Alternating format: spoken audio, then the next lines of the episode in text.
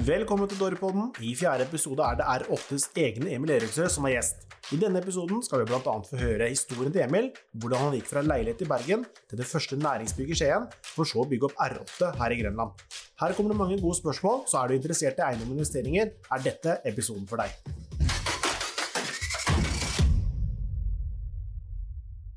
Emil Eriksrød, Mr. R8. Kult at jeg fikk eh, ta turen til deg, da. Ja, det Kjempehyggelig med besøk her på kontoret, da. Du, I dag så blir det show. Vi skal snakke om flere ting. Ja. Um, og så tenkte jeg aller først å høre litt om deg. Ja. Hvor er du oppvokst, og hvor gikk du på skole? Nei, jeg er jo en ordentlig Gjerpensgutt, jeg. Så jeg er opp, født og oppvokst på, på Gjerpen og gått på Gjerpen barne- og ungdomsskole. Og så holdt jeg meg fortsatt til Skien, da, så jeg gikk på Brekkeby videregående skole, økonomi.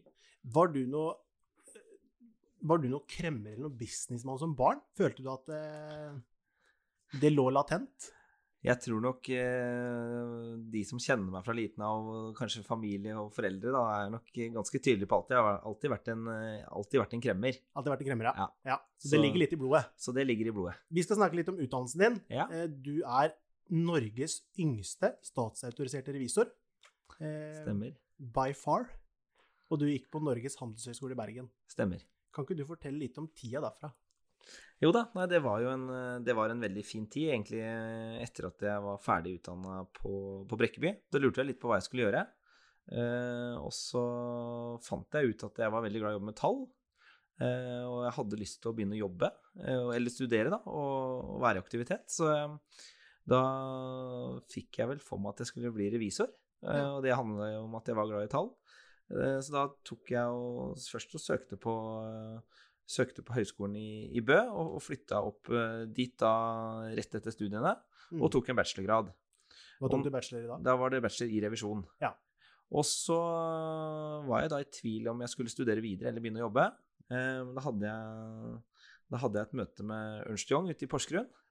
Eh, og de sa til meg det at eh, det var muligheter å få jobb der ute, men eh, jeg var jo fortsatt ung, da var jeg jo så vidt passert 20 år, og, eller 21 år da når jeg var ferdig med bacheloren, og, og de mente at eh, hvis jeg ville være, ville være ordentlig fremoverlent, så anbefalte de meg å ta høyere revisorstudium, da, eller master i, i revisjon og regnskap, som det nå heter, Ja. eh, og flytte til Bergen med en gang. Så det, det gjorde du fulgte de rådene? Ja. Så en som het Odd Knustad, som var der ute, som er veldig takknemlig for det rådet. Jeg, jeg hørte på han. Eh, og jeg kom inn i en sånn overgangsordning eh, når jeg flytta da til, til Bergen. Eh, for det var midt mellom eh, det gamle HRS, som det den gang het, og til, til å bli en master i, revisjon og regnskap. Så jeg fikk jo muligheten til å både ta sommersemester eh, og samtidig ta fag ved siden av masteren. Så jeg, så jeg klarte jo da å Litt sånn imponert over det kanskje i etterkant, for Ja. for jeg er egentlig, selv om jeg er nok en sånn normalt flink på skolen, så er jeg langt ifra noe sånn skolegeni. Mm. Men jeg klarte jo da å ta masteren da på, på ett år. Det er eh, veldig bra. Det er halve tida. Så det er halve tida. Mm, Når du, fordi Vi nevnte jo det at du var yngst. Hvor langt etter var nummer to? Hvor langt foran var du andreplassen? Nei, når jeg var ferdig utdanna da, fra, fra NHH, så var, jeg jo, eh, så var jeg jo fortsatt 22 år. Og de, de andre på kullet mitt var jo Den nest yngste var 26 år, det, det kullet. Og vi var et ganske ungt kull egentlig, men der var det jo også De fleste var jo i, i rundt og starten av 30-årene. For meg og alle andre som ikke var kjempeflinke på skolen, eh, hva er dine beste studietips? Nei, jeg tror det beste er å prøve å Hva skal jeg si? Jeg er jo en ganske aktiv sjel og klarte nok og Jeg var flink, jeg, jeg leste mye i perioder, men jeg har klart også å være aktiv eh, iblant. Jeg satt aldri en, en kveld og leste og leste og leste og leste. Jeg prøvde alltid å ha en eh, kvarter, halvtimes pause, gjerne flere ganger i kvelden. Alt fra å gå ut og ta, litt, eh, ta meg en kaffe og prate litt med, med resten av gjengen, eller å kanskje bryte av med en eh, fotballtrening og få litt frisk luft. og ikke, ikke bare sitte og lese og lese og lese. Jeg tror liksom at du, Da blir man bare helt gæren til slutt. Og vi, vi leste jo, det var jo satt jo folk på var jo på skolen fra klokken morgen til kveld hver eneste dag i, i store deler perioder av året. Ja, men kanskje spesielt på slutten, eller hvor tidlig begynte eksamen. Det var litt sånn skippertak der òg. Ja, ja da, selvfølgelig, men der var det hva skal jeg si, Vi jobbet mye i gruppearbeid gjennom året også, så det var et, det en ganske, var et ganske tøft eh, Mastergrad i revisjon er jo kjent for et ganske tøft studie, så det var mange som flyttet jo til Bergen. Så det er klart, selv om Bergen er en, veldig fin og koselig by, så var det veldig mange som var veldig mye på å lese og satt og studerte mye. Når du var ferdig der, så gikk du jo videre. Mm. Hvor begynte du å jobbe da, etter studiene? Da flytta jeg tilbake til Skien Porsgrunn og begynte å jobbe hos Ernst Young i, her, i, her i Porsgrunn. Så jeg var der, jobbet der i, i ca. tre og et halvt år. Kjempe, hadde noen veldig fine og lærerike år der ute. Ja. Mm. Eh, og veien derfra, den er litt interessant. For da begynte du å jobbe for en som du også nevnte tidligere. Det var Hallgrim Thon. Mm, stemmer. Det er da nevøen til eh, Det er nevøen til Olav Thon, så og de jobbet jo også sammen eh, i ca. 35 år, så han var jo med å bygge opp Olav Thon-gruppen. Så skilte de lag i år 2000, så han hadde da jobbet eh, ti år eh, for seg selv, og har jo en eiendomsportefølje i Norden. Både Norge, Sverige og Danmark. Og jeg kom inn der, da var jeg også ganske Jeg fikk jo også begynte jo Fikk jo stilling da som eh, finansdirektør for, for Hallgrim da jeg var 25 år. Så jeg var jo også veldig ung inn i den stillingen. Jeg var litt sånn Sikkert litt tilfeldigheter, men det var veldig morsomt. eh, og da måtte jeg jo flytte flytte inn til Oslo. Eh, og, og holdt jo, var jo der i fem år. Eh, veldig, veldig fine lærerike år. Hvor hadde du kontor, og hvor jobba du? Jeg satt vi midt i, midt i Oslo sentrum, ned i Dronningens gate. Så sentralt midt mellom ja, midt mellom sentrum, Aker Brygge og nå nye Bjørvika, da, og ikke langt fra Operaen. Så du var 25 år da, da var du finansdirektør eh, for Hallgrim Thon. Stemmer. Det må ha vært eh, litt av et ansvar. Eh. Ja, det Følte var du det, eller var eh, det erfaring, var det moro? Nei, jeg følte jo at eh, jeg, gjennom de årene jeg hadde hatt i Ernst Young, så hadde jeg jo opparbeida meg mye kompetanse og kunnskap, særlig innenfor regnskap, økonomi, skatt, selskapsorganiseringer. Jobbet noe med finansiering og noen ting. Så veldig mye av den oppgaven jeg fikk eh, hos Hallgrim, det mestret jeg veldig godt og var veldig, hadde jeg veldig kontroll på. Eh, Så var det en del av jobben som var helt ny for meg. Mm. Eh, Og der var det bare å sette seg inn i nye ting og, og jobbe aktivt med det, da. Hva kunne det være? Man- det var investeringer, direkte investeringer, være med i de prosessene. Eiendomsutvikling, oppkjøp av både selskaper. Hallgrim har jo mye eiendom, men det er også en ganske stor portefølje. Eh, Vi jobbet med alt fra fiskeoppdrett i Lofoten til eh, investerte i et selskap som drev med eh, oljeleting i Texas. Så det var en sånn ganske bredt spekter også utenfor eiendom, da, som var en del investeringer som skulle følges opp. Og mange, mange mennesker jobbet mye med klesproduksjon og jobbet mye med Petter Northug før han gikk inn i samarbeid med, med Coop da, tilbake i 2012-2013. Så det ble en veldig varierende arbeidshverdag. Hvis det skulle være én ting som bare Det jeg lærte hos Hallgrim, eller det fikk jeg med meg derfra Ja, det er egentlig, det er egentlig to, to ting da, som jeg tror er liksom veldig viktige. Eh, og det første, og kanskje som jeg alltid har eh, jobbet mye med, det er, det er langsiktighet. Eh, det å på en måte Det er veldig mange som tenker at eh, to og tre og fem år er, er langsiktig, men tenk gjerne 10, 20, 30 og 50 år fremover når man gjør, både gjør investeringer, både i forhold til hvordan ting og samfunn vil endre seg, men Mm. også i forhold til eh, eierskapet. Da. Jeg, tror, jeg tror veldig på et langsiktig eierskap. Eh, Og da må man også ta vare på de tingene man kjøper. For da kjøper man det i et eh, noe man skal eie lenge. Da gjør man ofte de investeringene som kanskje koster litt mer der og da. I et langsiktig perspektiv så er det, tror jeg det er bra både for, eh, både for typisk eiendom som investerer, da, og, og ikke minst for samfunnet. Ja. Og jeg ser jo eh, Så det var den ene biten. Og det andre var jo eh, jobbe med, kall det service og relasjoner, og det å være til stede for, for, for leietakerne og kundene og, og menneskene der ute, da, som Mm. har vært en, en viktig del. Hadde du på det tidspunktet her bestemt deg for at nå skal jeg starte R8? Når Nei. kom den planen inn i bildet? Nei, det var, litt, eh, var nok litt tilfeldig, men jeg har jo alltid vært eh, glad i å jobbe mye. eh, Og har ganske stor arbeidskapasitet. Og det var jo ikke lenger enn Jeg hadde jo jobbet for Hallgrim da gjennom et årsoppgjør og jobbet døgnet rundt. og fått på plass det meste, og det var den, den delen av arbeidet jeg kunne veldig godt. da, Og følte jeg leverte bra på i starten. Så kom jeg tilbake etter eh, første sommeren eh, i, hos Hallgrim, og plutselig så satt jeg der og hadde egentlig mye, mye tid, da. Og jeg hadde jo også ettermiddager, kvelder, helger som jeg selvfølgelig var med venner og trente, men, men jeg fikk jo, fikk jo også mye tid, da. Og da var det litt tilfeldigvis at jeg gikk inn på finn.no og, og så et næringsbygg på Kjørbekk som lå ute til salg, som jeg tenkte at det her må jo være en veldig fornuftig investering. Jeg satt og, hadde jo da sittet og sett på eiendomspriser, eh, næringseiendom i både Oslo, men også mindre byer i Norge, og så på prisnivåer, så på kalkyler. Mm. Eh, og så at her, var det, her måtte det være muligheter. Og det i et marked som jeg kjente. Jeg hadde hadde jo da også et, eh, hadde jo bodd mange år i Skien og kjente mange av hjem og hadde en stor omgangskrets her. Så jeg tenkte at det her, eh, det her, her må det være muligheter. Så, det var, en- så du begynte faktisk med ett konkret bygg på Ja. Kjørbekk, Ja. og så kombinasjonen med at det var hjembyen nå, Ja. hjelper vel lite grann. Ja, ja da, det er definitivt. Ja. Hvem bygg var det vi snakker om nå?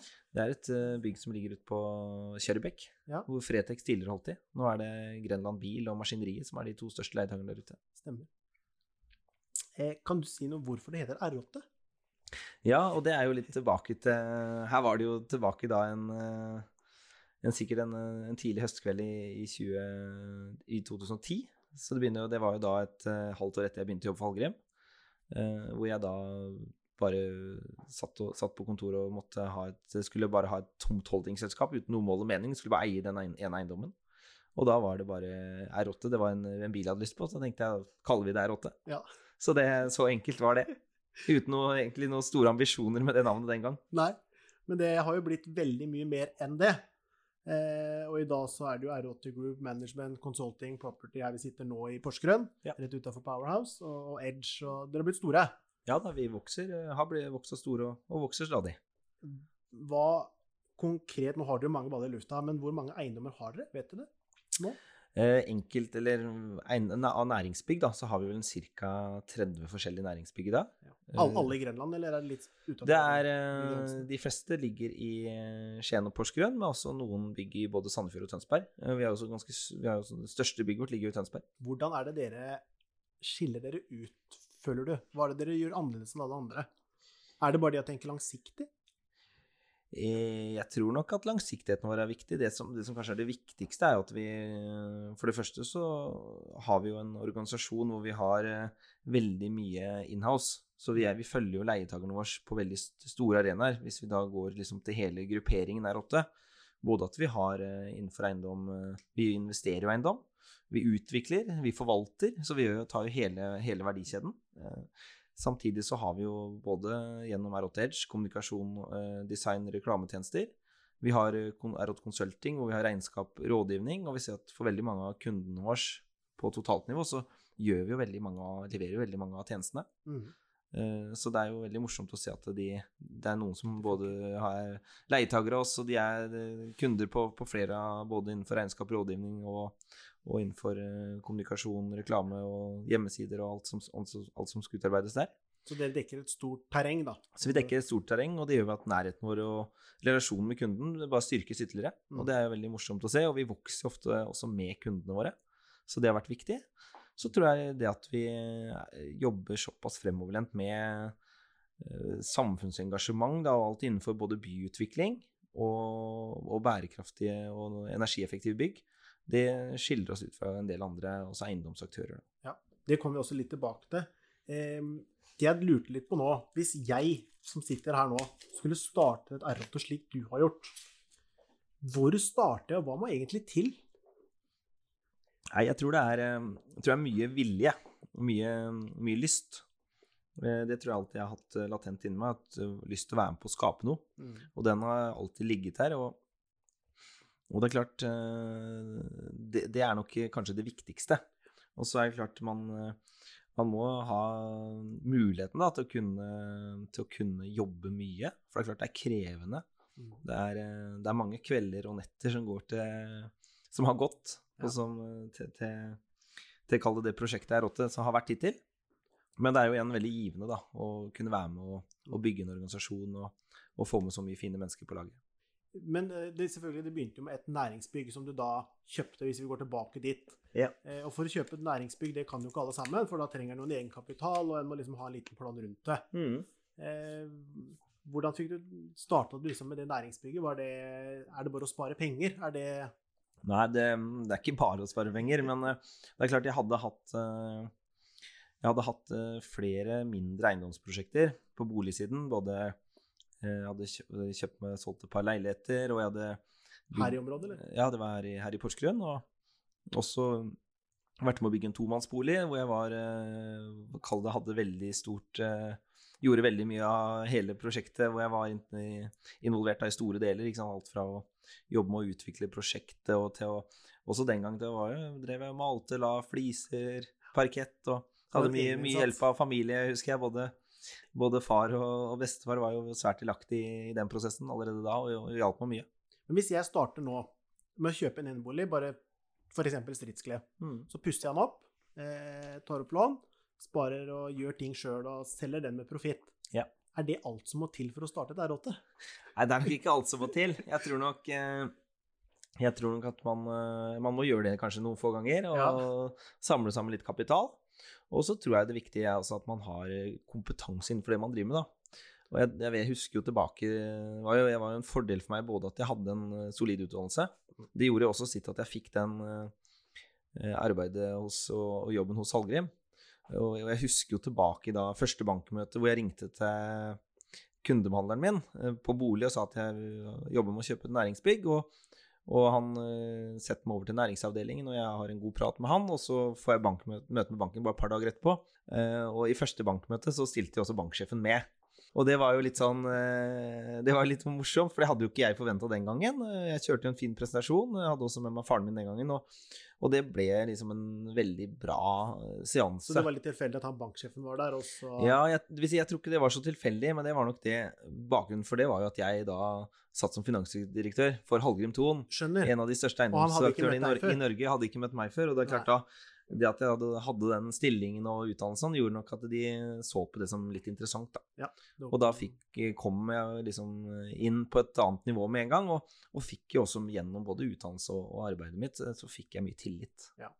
For det er jo ikke å skyve under en stol at det å ha den utdannelsen du har, og den kunnskapen man får av den utdannelsen, det er ikke, det er ikke for hvermannsen, og det er ikke kopierbart over natta. Nei, det er klart, der, der ligger mye. Og igjen, den, eh, all, den, eh, all den erfaringen jeg fikk eh, og opparbeidet meg gjennom å jobbe sammen med, og for Hallgrim, den var jo også unik. Mm. Eh, Så det er klart, eh, Og samtidig veldig fin Hallgrim. Jeg jobbet jo sammen med både han og sønnen i, i nesten fem år. Mm. Og det er klart, eh, jeg jobbet tett med de. De var en liten organisasjon eh, på, administrativt, så vi var en syv-åtte på kontoret. Eh, og jeg satt jo med økonomiavdelingen under meg, og sammen med da Olav Engebrett og Hallgrim så satt jo vi i styremøtene sammen. Vi, jeg var med de rundt i både mye København, mye Stockholm.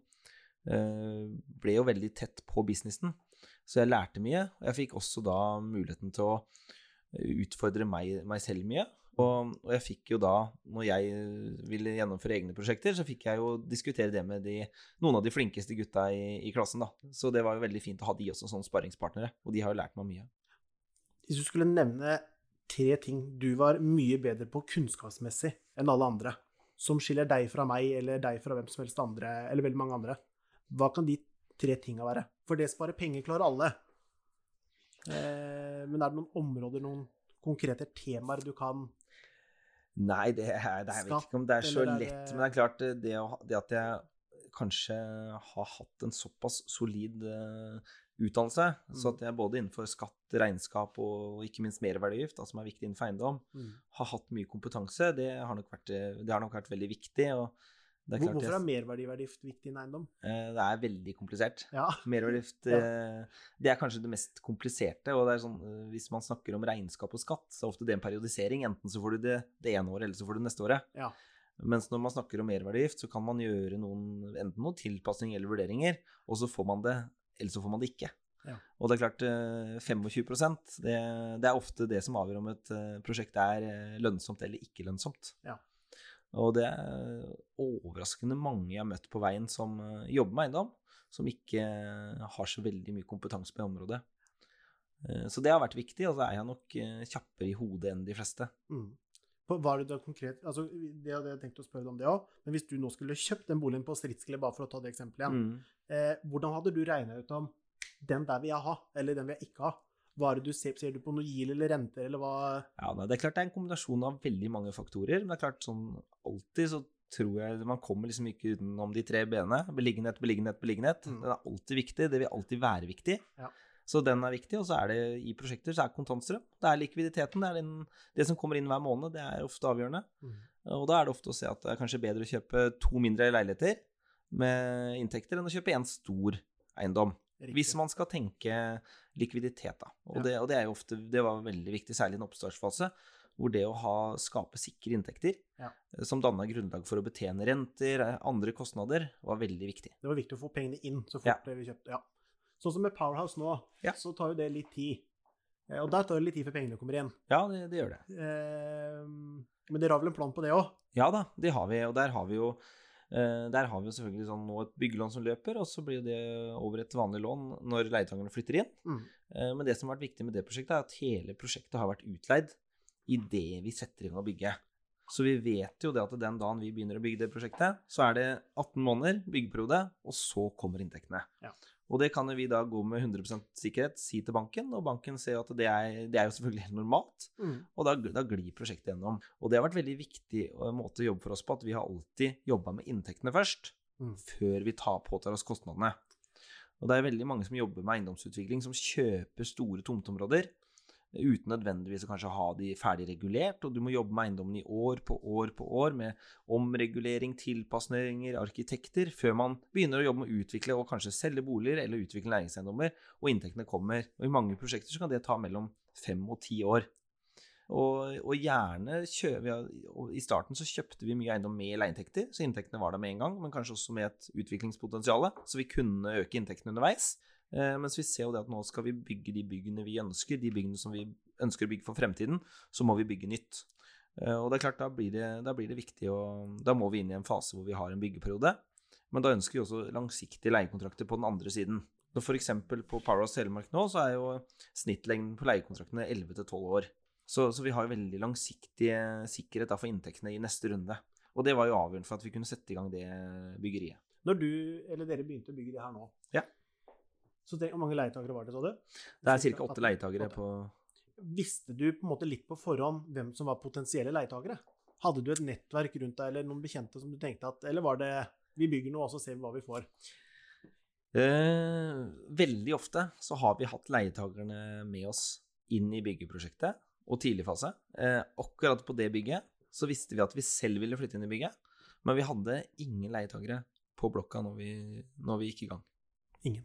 Ingen. Hvordan starta dere for å få leietakere?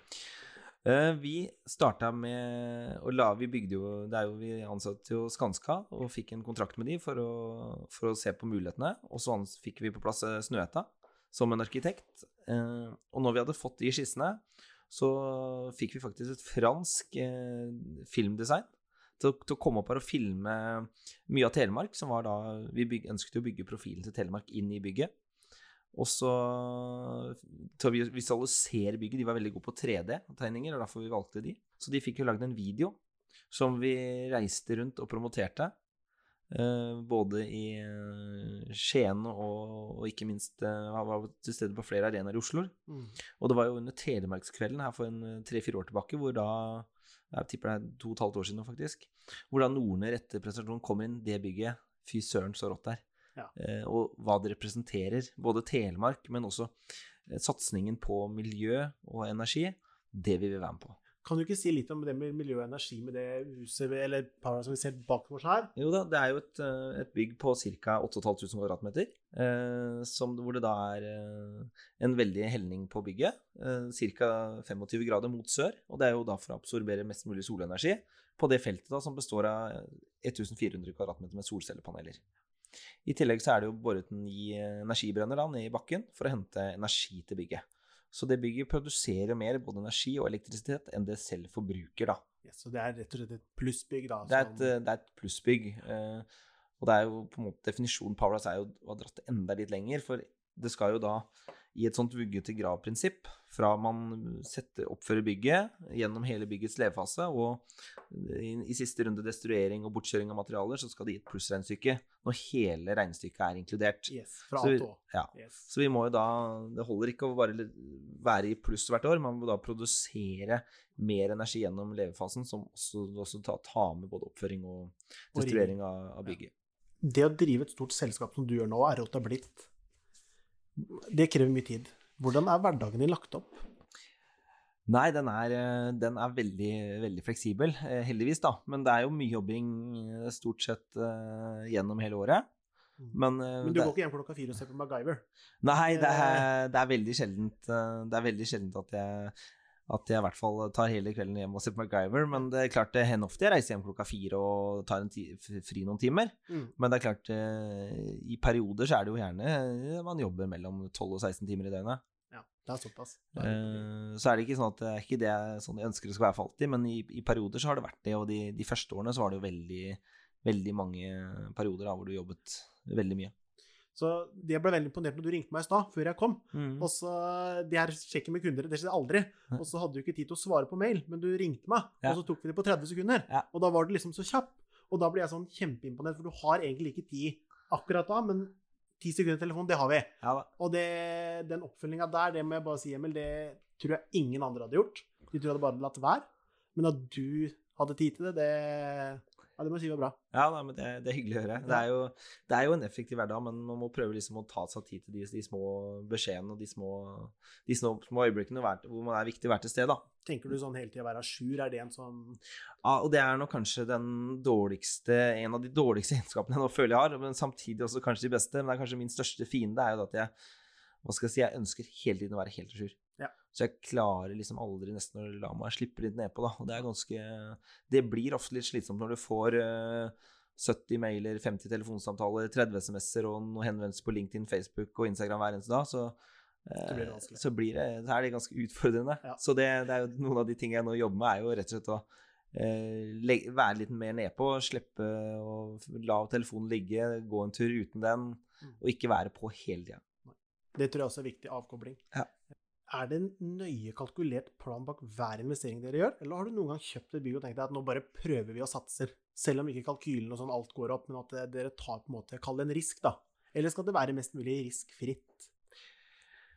Mm, det er jo litt sånn at eh, vi gjør nok ganske mye og store vurderinger og kalkyler bak de fleste investeringene våre. Og vi har jo blitt, gjennom at vi har blitt mer profesjonelle og, og sånn, så har vi nok i større og større grad gjort det hele tiden. Men det er klart, eh, når veldig mange hele tiden gjør regnestykkene og setter opp regnestykkene og sånn, så har nok vi også prøvd å tenke litt både med magen og hjertet når vi har gjort en del investeringer. Eh, det er lett å liksom F.eks. når vi kjøpte Arkaden kjøpesenter i Skien, så er det klart eh, det var ikke så lett å få de regnestykkene til å nødvendigvis alltid gå opp, for vi visste vi måtte gjøre mye mer enn bare å, å få, få, inn noen nye leietakere og endre regnestykket. For vi, endre, vi måtte endre mentaliteten på menneskene i Skien. Måtte få flere mennesker til å bruke byen.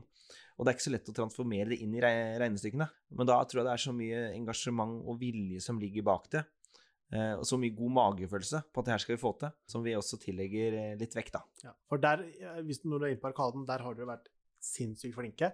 Eh, der har du markedsført veldig bra. Det har vært arrangementer, fått inn aktører. Og jeg tror ikke alle som liksom besøker kan du si, O'Lerris og går på Arkaden nå, skjønner helt den jobben bak. Nei, det har vært en ganske omfattende jobb. Og jeg, det er jo vært, vi er jo ikke ferdig med Arkaden, men vi, vi, har kommet langt. Vi har gjort mye. Eh, og det er jo morsomt å se når vi ser på besøkstallene til Arkaden fra 2017, det året vi overtok, hvor det var 500 000 besøkende på Arkaden. Mm. Eh, I 2018 så hadde vi ca. 750 000. Og i år så forventer vi å passere 1 million besøkende på Arkaden. Så det er klart, når vi klarer å da på to år å doble antallet fra 500 000 til over 1 million besøkende på Arkaden, så er klart det gjør noe med aktiviteten og attraktiviteten i byen og rundt Arkaden, Handelstorget, og, det og vi ser jo at det er mye mer mennesker eh, der, og det syns vi er veldig morsomt. Og, og det jeg syns er ekstra morsomt med det prosjektet, at det har jo vært et R8-prosjekt hvor vi har hatt eh, vi har engasjert hele konsernet vårt. Vi har jo vært med fra R8 Edge, som har jobbet med hele markedsmaterialet, hvordan det har blitt markedsført. Vi har mm. hatt R8 Consulting, som har vært med på hele tida fra investeringene og vurderingene. Vi jobber jo nå med regnskap, fakturering og økonomibiten. Og så har vi jo management som drifter og forvalter bygget, og så har vi jo Property som da sitter og eier og, og styrer, på en måte det meste, styrer investeringen. Så er det liksom alle avdelingene har vært med, eh, også investeringsselskapet vårt som har investert uh, tidligere i noen av aktørene som er inne i Arkaden, da, for å få de opp og, opp og stå. Det, så det har blitt en totalitet som jeg føler har vært, blitt veldig bra, og veldig morsomt at liksom alle i R8 har vært med på det prosjektet. Hvor tror du R8 er om ti år? Nei, det er, jo, det, er jo litt sånn når vi skal ha strategi eh, og diskutere strategi, så tenker vi De fleste tenker jo Det er ikke uvanlig i hvert fall å tenke opp mot fem år. Mm. Mens det, vi har følt de siste årene at ting går så Det skjer så mye, både i samfunnet om dagen, men også hos oss. Så vi, når vi diskuterer strategi her, så tenker vi ofte i et to- til treårsperspektiv. Ja. Uh, og det er klart, nå, nå, har vi gjort noen investeringer, bl.a. kjøpt opp det coworking-selskapet Evolve, som er lokalisert uh, på mesteparten av Østlandet i dag. Som, i, som for så vidt har uh, nå ønsker å etablere seg flere steder i Norge nå gjennom de neste årene. Så det er klart, vi vil jo ganske kjapt bli nasjonal aktør innenfor co-working gjennom det. Og det er klart, da ønsker vi jo at organisasjonen for øvrig, både med alle andre tjenestene våre, skal følge, følge med. Så, så, de neste årene nå så vil vi jo jobbe med å, jobbe med å utvide horisonten da i, i norsk målestokk. Neste to til tre årene, og, og, også utover det. Og så vil vi jo se i en sånn tre til fem, seks, syv års perspektiv, så, så, er det nok veldig i hvert fall enkelt å tenke at vi skal jobbe også utover, i, utover Norges grenser. Og, og, det er klart, Norden er jo naturlig å tenke i første runde.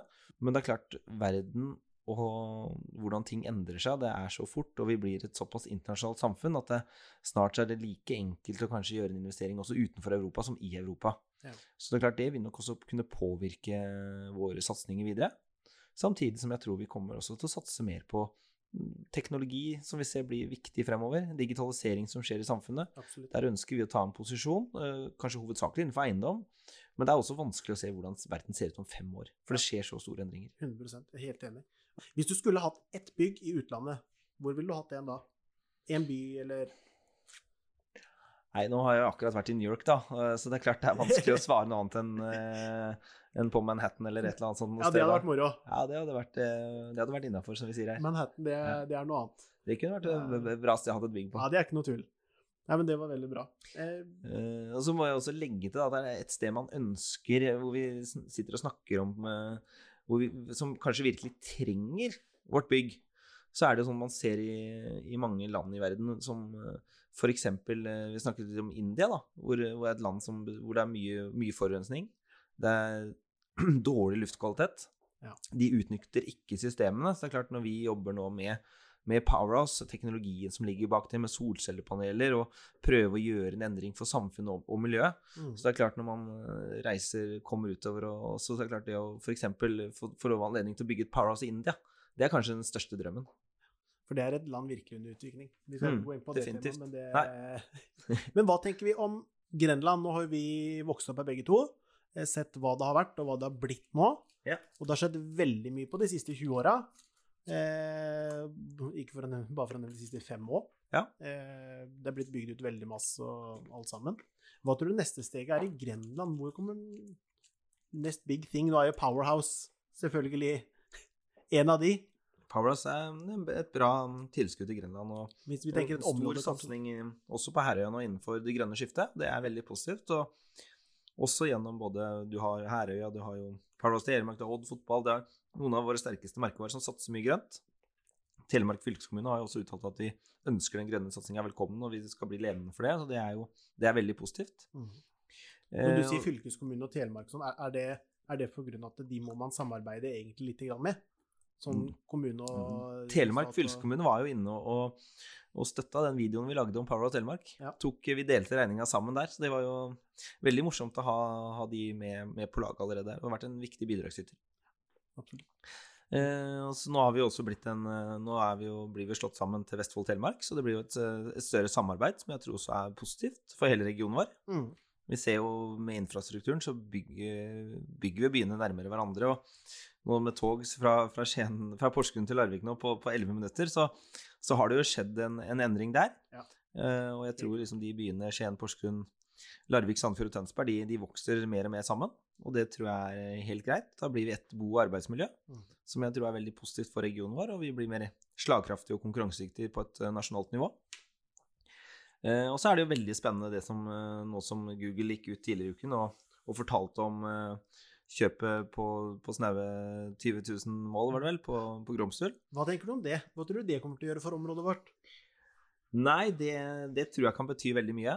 Eh, jeg tror, eh, jeg tror attraktiviteten til kommunen og aktiviteten rundt et eh, Sett at Google da setter i gang og bygger et, et, et svært byggeri der oppe med et ordentlig høyskalasenter, så vil det kunne bety utrolig mye.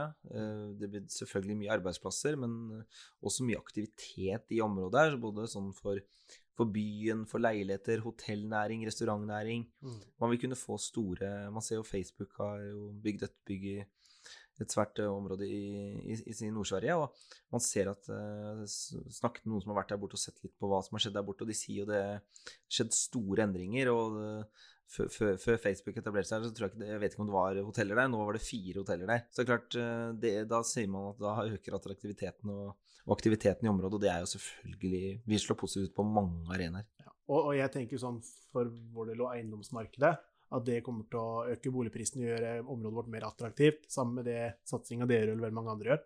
Så det, er, det er klart det et, av, et, av, de grunnleggende forholdene som må på plass for å få, få opp boligprisen, er for å få mer mennesker her. Ja. Og det er jo ikke noe tvil om at et av de viktigste forholdene da er jo arbeidsplasser. arbeidsplasser. Ja. Det er viktig. Så det er, sånn sett så er det veldig positivt. Så får vi bare håpe at Google begynner å bygge så fort som mulig. Ja, det håper vi på. Det satser vi på. Emil Eriksrød, takk for praten. Takk selv.